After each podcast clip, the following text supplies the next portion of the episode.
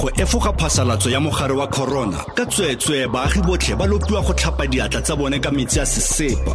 Bogolosegolo fa ba tswa kwa ntlwana boithusetsong pele ba ka ja le fa ba sena go minola go gotlhola kgotsa go ethimola. Se ke motsweding fm konka bokamoso. Tell us more about uh, the Africa Fives. Uh, some of us don't know this uh, uh, uh these games. Yes, so Africa Fives is a five-a-side football tournament that Lager started about two years ago, and it's really, really grown. Um, basically, it's open to all South Africans over the age of 18. You just enter your team of five, and it's it's something fun. It's social football. It's open to men and women. Um, and we like to say it's where beer and football come together. You know, you can come play with your friends. Obviously, right now, given what is happening, we can't be together. Mm. So we've had to move out the tournament by a couple of months. What encouraged the Castle Lager to start uh, such a tournament? It, so Castle Lager has always been in sport, right? We sponsor Bafana, the Proteas, and um, as well as the Springboks. Mm. But we also understand that ordinary South Africans may also want to play, right? So it's not not everybody can qualify for the national team. Mm. Ordinary South Africans may want to play football. Most of them already play football.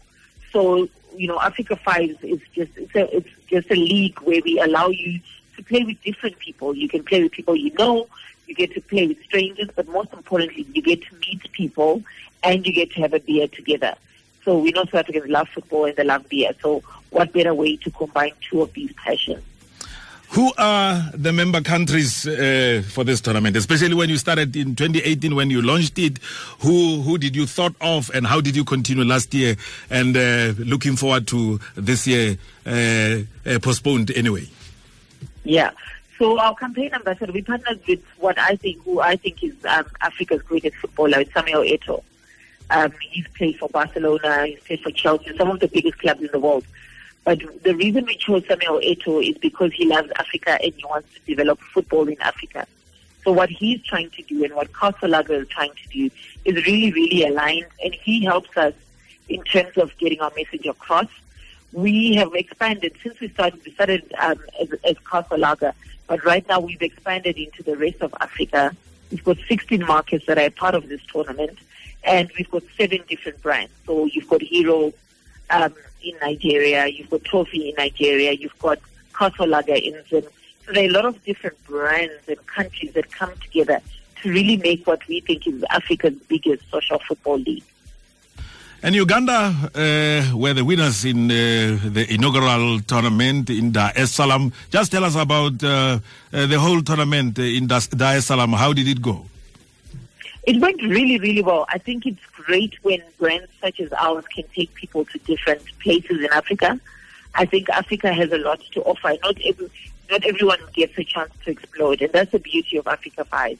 Is that we we had our launch this year in Nigeria actually a couple of weeks ago, um, and then the tournament is going to be played here in Johannesburg. So we take people to different cities in Africa. We've been to Tanzania, so it's really important that we showcase this continent of ours and make sure that as many people as possible get exposure to it. And that's part of the thing that we're trying to do with Africa Five is we're trying to take you out of your everyday, show you Africa as much as we can, and really be able to facilitate those different friendships and just experiences across our continent.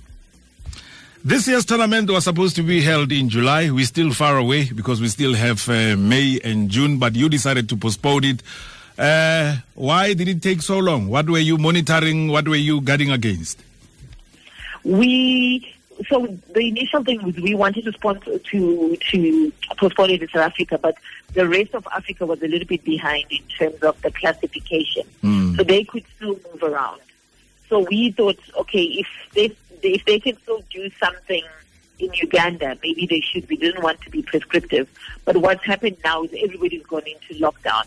And I think the whole continent is really trying to do what we can mm. to fight this disease. So it just makes sense to move it. There's so many countries involved, involved, and we want everybody to be free enough to participate. And we don't want to do it too soon. We want to understand the extent of this thing and make sure that everybody is healed before we start asking them to go out and play and be with their friends again. And do we have a new date uh, uh, after this uh, postponement? Um, we don't have an exact date. What we know is it will be in quarter four, so towards the end of the year, once we release it. Because what we don't want to do is move it and then move it again. Mm, So we're just going to move it until the end of the year when the weather's better, when, you know, the country's recovered, the continent's recovered really from, from this terrible time that we're going through right now. How far were you with the entries? And uh, will this postponement affect uh, uh, maybe the duration and uh, maybe the format of uh, uh, the competition? We were doing extremely well in terms of entries. Um, we had more than 2,000 entries already. So the postponement won't impact the entries because to enter, all you have to do is go to our website and sign up your team. So what it just means is that uh, people have a longer time to enter. Whereas we were going to be closing entries around about April. Now, you know, you've got a longer time to, to enter your team. I think it's a fun thing to do. The requirements are really, really simple. You just need to know how to kick a ball and you have to be over 18. Yeah, let's get into it. Who qualifies and how do we qualify?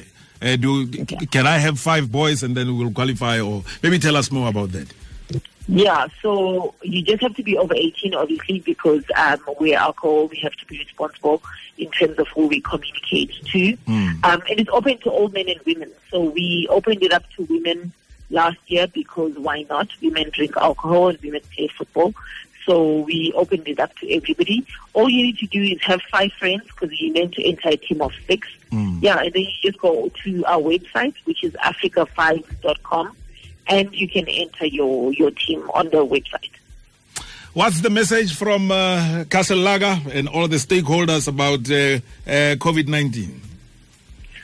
Sure. So for Castle Lager, um, you know, we're a brand that believes in South Africa and always pushing for a better South Africa. So what we're doing is over the next 21 days, over the lockdown period, we're actually giving our marketing budget.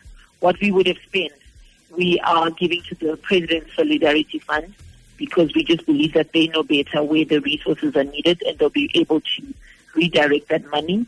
Um, and we've also launched uh, a new TV ad that's on our social media, which is basically showing support for the men and women who are going out every day and trying to, you know, save, keep us safe and save us from this disease. So if everybody can go to our Twitter page, which is at Castle Lager SA, and go and take a look at our video and show your support for the men and women on the front line. Kudzi Mathabire, Castle Lager Brand Director, thank you very much for talking to us this evening. Thank you for having me.